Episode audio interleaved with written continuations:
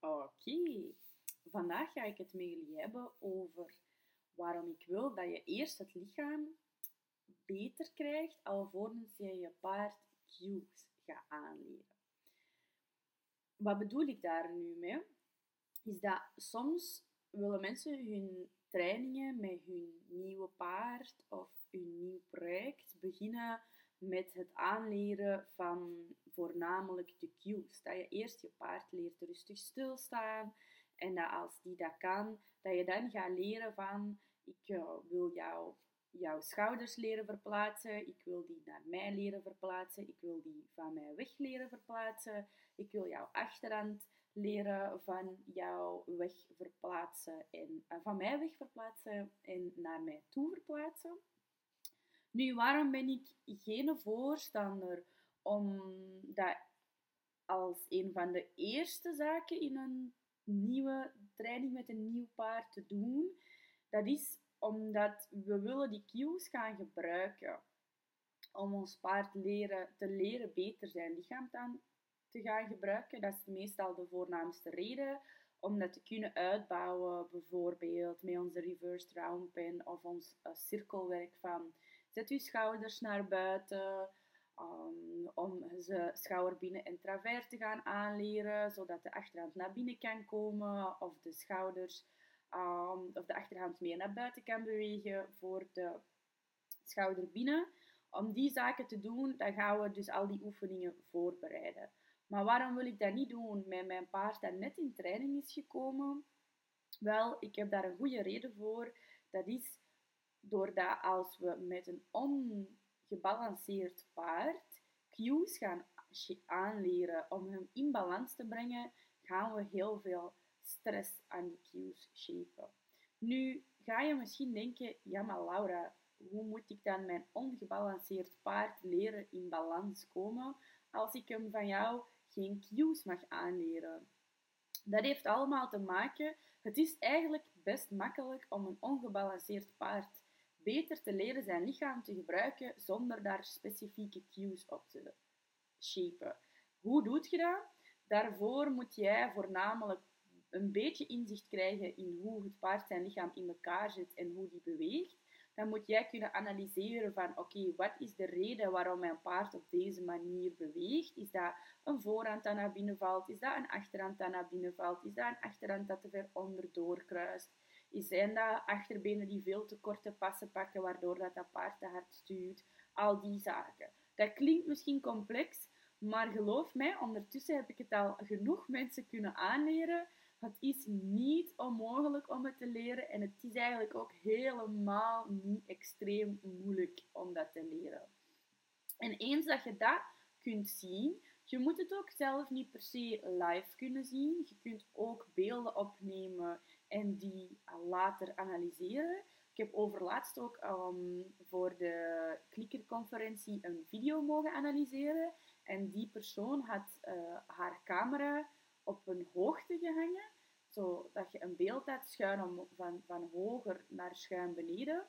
En ik dacht, geniaal hè, waarom werken wij hier allemaal mee staanders om ons paard te filmen? Schuin omhoog is veel makkelijker, um, alleen van schuin van boven is veel makkelijker om, om, om gewoon al te zien wat er aan het gebeuren is met ons paard, zijn lichaam. En je hebt de hele tijd heel je paard in beeld. Dus ja, dat is dan een extra tip dat ik jullie meegeef. Um, je kan dus heel makkelijk door het gebruik te maken van jouw lijnen op een juiste manier te verleggen, in de juiste richting te verleggen, uh, al bewegend ook op bepaalde posities te voeren.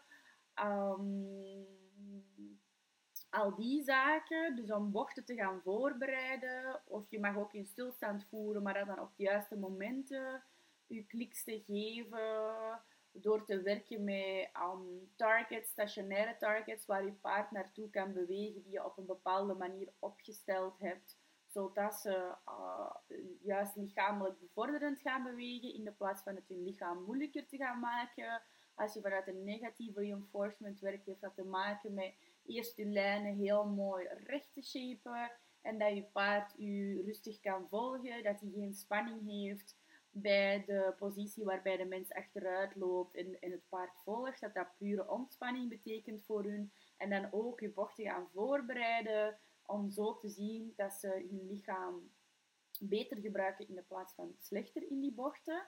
Als we dat gaan doen, dan creëren we al een veel fitter paard om uiteindelijk de cues aan toe te voegen, zodat we ook die moeilijkere oefeningen gaan doen, zoals schouderbinnen en travers. Hoewel dat je zelf een schouderbinnen en een travers ook helemaal zonder cues kunt shimpen.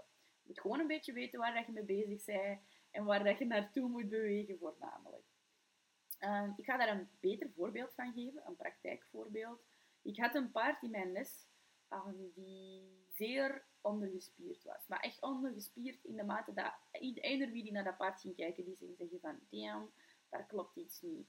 Dus zij wist echt niet hoe dat zij haar lichaam moest gebruiken. Als wij de sessie begonnen, de sessies voor de eerste keer, dan viel het op dat dat paard zijn achterhand echt enorm veel naar rechts afweek. Dus in alles wat zij deed, liep haar achterhand meer naar rechts als naar links. Nu, je zou kunnen zeggen van kijk, we gaan haar dan leren in stilstand haar achterhand meer naar links te laten bewegen. Zodat we haar direct kunnen uitleggen van kijk, het leven is veel gemakkelijker als je je achterhand meer naar links zet, als je je, je binnenachterbeen meer onder je lichaam zet, in de plaats van dat als we linksom lopen, dat de achterhand een grotere cirkel loopt dan de voorhand, en als we rechtsom lopen, dat de achterhand een kleinere cirkel maakt als de voorhand. Hè, dan zouden we daar een cue op kunnen zetten van we wijzen die naar rechts, uh, naar buiten en aan de andere kant vragen we die terug naar binnen. Nu geloof mij, ik heb dat zelf ook even geprobeerd um, bij dat paard in kwestie. Maar ze was ook enorm introvert, shutdown introvert. En het was nog wat zoeken van welke trainingsmethodiek, waar gaan we mee beginnen, al die zaken. En dat was onmogelijk om daar een respons uit te krijgen, om dat been te verplaatsen. Je zegt dat hij dat gewoon alleen maar spannend vond. En ik zou dan omhoog kunnen gaan zijn in mijn fases. Maar dat weten jullie ondertussen al. Dat dat geen strategie is waarvoor ik kies. Want dan gaat dat paard uiteindelijk wel zijn achterhand naar links zetten. Maar mm, die gaat er heel veel spanning aan opslaan. En door te veel trial and error gegaan zijn, dat ze toch de volgende sessie niet meer gaan weten hoe, wat ze exact geleerd heeft de vorige keer. Nu, waarom ga, waarom dan niet die cues aanleren? Waarom dan niet doorzetten van ik ga het minste belonen, de minste reactie belonen uh, en daar rustig opbouwen naar stapjes, zodat ik rechtstreeks die poep van rechts naar links kon zetten? Dus het antwoord daarop is eigenlijk heel makkelijk. Als een paard zijn achteraan zo hard naar rechts staat en ik wil dat leren op een signaal die achterhand naar links te bewegen, hoe zit dat met die bespiering van dat paard? Ja, al die spieren staan in een richting om die achterhand naar rechts te laten bewegen. Hè. Dus als ik daar op dat moment cues wil gaan aanleren om die achterhand naar links te zetten, terwijl dat, die, die, dat paard helemaal naar rechts afwijkt, hoe gaat dat paard zich voelen elk moment dat dat gaat proberen te antwoorden op mijn vraag? Ja, dat gaat niet goed doen, hè. Dat doet zeer aan de lijve, om komt dan naar rechts staat, dat ik dan wil zeggen, zeg, wilt jij je poep ook al sta je een hele dag lang met je poep naar rechts, wil jij die nu alsjeblieft een klein beetje naar links zetten. Alle pogingen dat zij gaat doen, ook al doe, gebruik ik mijn R-, ook al gebruik ik mijn R+, dat maakt echt niet uit. Alle pogingen dat zij gaat doen om haar achterhand rechtstreeks naar links te verplaatsen, dat gaat haar zeer doen. Ik wil in deze kwestie zelf zeggen, dat gaat gewoon zeer doen. Dat gaat niet een beetje oncomfortabel zijn. Je gaat spieren die als een, paard zijn achterhand te veel naar rechts staat, dan wil dat zeggen um, dat dat paard zijn uh, linkerkant, dat die daar de lange rugspier langer is en aan de rechterkant dat die korter is. Dus als ik dan ineens die poep naar rechts ga willen vragen, ja, dan gaan ze die, die, die, die slappe spieren die dat ze altijd overstretcht, ja, die gaan ze moeten aanspannen, maar ze gaan niet weten hoe. En dan gaan ze die spieren die kei stijf staan aan de rechterkant, die gaan ze langer moeten maken. En ja, als ze dan een volledige pas of een, het idee al van een pas naar links gaan moeten zetten, dat gaat ze gewoon voelen en dat gaat haar pijn doen. Dus wat hebben we gedaan?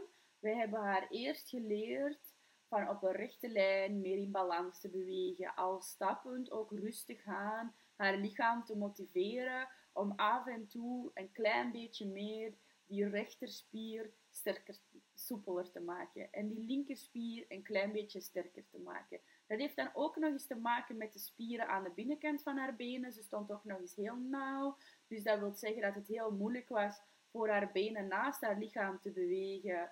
Ehm, en wel heel makkelijk is om die eronder te zetten. Dus aan de binnenkant van haar, spieren zijn die, van haar benen zijn die spieren ook korter. Dat is aan het bovenste deel dan, hè, want het onderste deel, alles onder de sprong, zijn puur pezen. Die pezen waren daar voornamelijk ook overrokken. Dus dit was al serieus door haar koten gezakt, ook door zo stijf te bewegen. Um, daar zaten we dan ook nog eens mee, niet onderschatten. Hè, als je dan zo'n niet dragende, een overstretchte pees moeten, um, daarop moeten duwen, dus die kogel nog meer naar beneden duwen, om dan uh, dat been naar links te verzetten en dat linkerbeen naar links te kunnen krijgen. Uh, in dat linkerbeen, waarbij dat dan aan de binnenkant van dat been die spieren te kort zijn en aan de buitenkant van die benen die spieren te slap zijn, je kunt u dan ook nog meer invoelen hoe yippie dat dat voor haar voelt om die beweging te doen. Dus nee, ik wil haar ook eerst meer leren dragen in haar ehm, andere gewrichten, in haar spronggewricht, in haar bekken die wat meer naar beneden te leren kantelen, zodat als ze haar linkerbeen naar links wilt zetten, dat ze dan haar rechterpezen niet hoefde te overstretchen. Ze stond ook in een gestrekte stand daarachter, dus dat wil zeggen dat haar, benen iets te veel naar achter stonden. Waardoor dan, als we ze dan eerst zulke aan iets beter kunnen leren vierkant staan, dat ze vanuit een goed dragende positie die cue kan aanleren, dan was het ook veel gemakkelijker voor haar. Dus we zijn begonnen met in de beweging haar af en toe kleine stukjes die spieren te laten veranderen. Die rechterspieren te laten stretchen, die linkerspieren te laten eh, sterker worden, die in haar um, adductiespieren, dus waarmee dat het been onder het lichaam gaat, te laten langer worden. Haar spieren waarmee het been naast het lichaam zou moeten bewegen, een beetje sterker te laten worden. Haar te leren hoe dat ze kan vertragen, hoe dat ze um, worden als we een achteruit willen aanleren, dat ook effectief de, dat ze weer niet gaat overstretchen op die pezen en al die zaken. Je kunt het u nu wel voor, voor inbeelden. Hè? Dat dus het soms echt wel interessanter is om een paard vanuit die... Dat lijkt ook zo simpel, maar of, of, of niet, dat ze daar enorm veel spieren mee aan het opbouwen zijn. Maar geloof mij, een scheef of gespierd paard die altijd op een bepaalde manier beweegt, die, als je die gewoon, die kunnen al geen rechte lijnen lopen rechtdoor. Als je die daar al stilletjes aan bij helpt, dan gaan die al spieren ontwikkelen en anders gaan gebruiken dan ze voordien doen. Want nu ben ik over dat zwaar ondergespierd paard bezig. Ik kan ook een voorbeeld geven van een paard dat we dan volledig R ook um, beter hebben gemaakt. Die heel introvert was en afgesloten was. En dat was ook die eerste sessies echt met die rechte lijnen spelen. Hij had ook een voorkeurskant. Soms gaan ze gewoon langs twee kanten te veel met hun achterhand onder het lichaam of te veel naast het lichaam. Hè. Het is niet altijd dat het naar links of naar rechts is. Maar bij hem um, was de eigenares ook heel gemotiveerd en ze had dan ook de video's bijgekeken en zo om, om sneller te snappen van wat gebeurt er hier allemaal in het lichaam. En dan konden we ook zo'n groot verschil zien dat eigenlijk de derde boostsessie dat je kwam, dat we dat paard konden door mooie cirkelbochten laten maken. En dan zijn we begonnen met die cues er ook op te zetten, zodat we richting een traversehulp zouden kunnen gaan om die achterhand echt à point nog iets meer fijner eronder te zetten, uh, naar binnen toe te vragen. Maar als we dat daarvoor hadden gedaan, dan hadden we ook gewoon geen reactie van dat paard gekregen of was hij gaan afkoppelen en gaan grazen. Want dan had hij gezegd, kijk, dit is te moeilijk. Want dat is ook effectief te moeilijk. Hè? Het is onmogelijk. Als je het dan wel doet, dat is de reden waarom paarden vaak op die hulpen toch zwieren met staart. Ook al hebben we dat met de positieve reinforcement aangeleerd. Of dat ze ervoor dat ze een soort van ongecontroleerde grote bewegingen maken als ze die, die hulpen uitvoeren. Dat is omdat ze toch wat over hun lichaam zijn gegaan bij het aanleren van die cues, waardoor dat ze daarmee zo wat robotisch snel snel uitvoeren. Ze gaan een te grote pas zetten, je hebt geen communicatie over maak de pas kleiner, maak de pas een klein beetje trager. Ze doen dat zo op automatische piloot, zetten ze die achterhand naar je toe of naar je weg. Ik ben nu altijd over een achterhand bezig, maar dat kan ook met die voorhand zijn. Zit wel, de oorzaak zit vaak wel van achter, bijna altijd zal ik zeggen. Daarom dat ik wel veel achterhand voorbeelden aan het geven ben. Nu, daardoor zit daar wat stress op die cues. Omdat we dat geleerd hebben op een moment dat die paarden nog niet klaar waren om dat manoeuvre mooi dragend uit te voeren. En dan gaan ze automatisch daar spanning bij leren. Um, wat het dan later weer lastiger wordt om die te gebruiken, omdat dat dan die spanning boven houdt. Uh, dus een leuke interessante om mee te spelen. Als je die cues al kent, dan kunnen we beginnen nadenken van oké, hoe kunnen we die spanning eraf shapen? Als je een paard hebt waar je nog mee moet beginnen en dat je dacht van ik moet in eerste instantie zien dat hij al die signalen snapt, dan weet je van kijk, er is eigenlijk nog een andere weg naar Rome die nog iets laagdrempeliger is, waarbij dat we eerst het paard zijn lichaam klaarmaken om daarna de bijhorende cues te leren. Goed, voilà. Dat was mijn uitleg van vandaag. Ehm, als je zegt van oké, ik heb hier nog vragen over, laat mij dat zeker weten. Je kan in de applicatie ook nog wat kijken naar video's die helpen van het lichaam beter te leren analyseren en inzicht te hebben in waar het soms allemaal misloopt in het lichaam, in onze training.